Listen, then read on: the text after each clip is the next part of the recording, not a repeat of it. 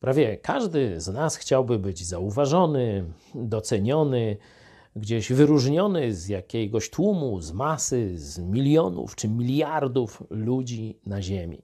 I ludzie przeróżne głupoty robią, czy na przykład jakieś subkultury, fryzury, ekscesy w internecie, żeby tylko ktoś ich zauważył, dał lajka i tego typu historie.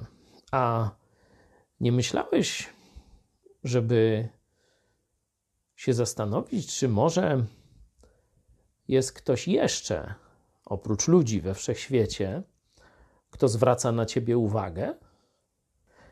Jest opis Jezusa w Biblii, który wyprowadza swoje owce po imieniu, czyli każdą ze swoich owiec zna osobiście i po imieniu do niej mówi, rozmawia z nią. Jakbyś zobaczył, to jest Jan 10, 3, jakbyś zobaczył w Księdze Apokalipsy 3,20, tam znowu Jezus mówi do ciebie osobiście.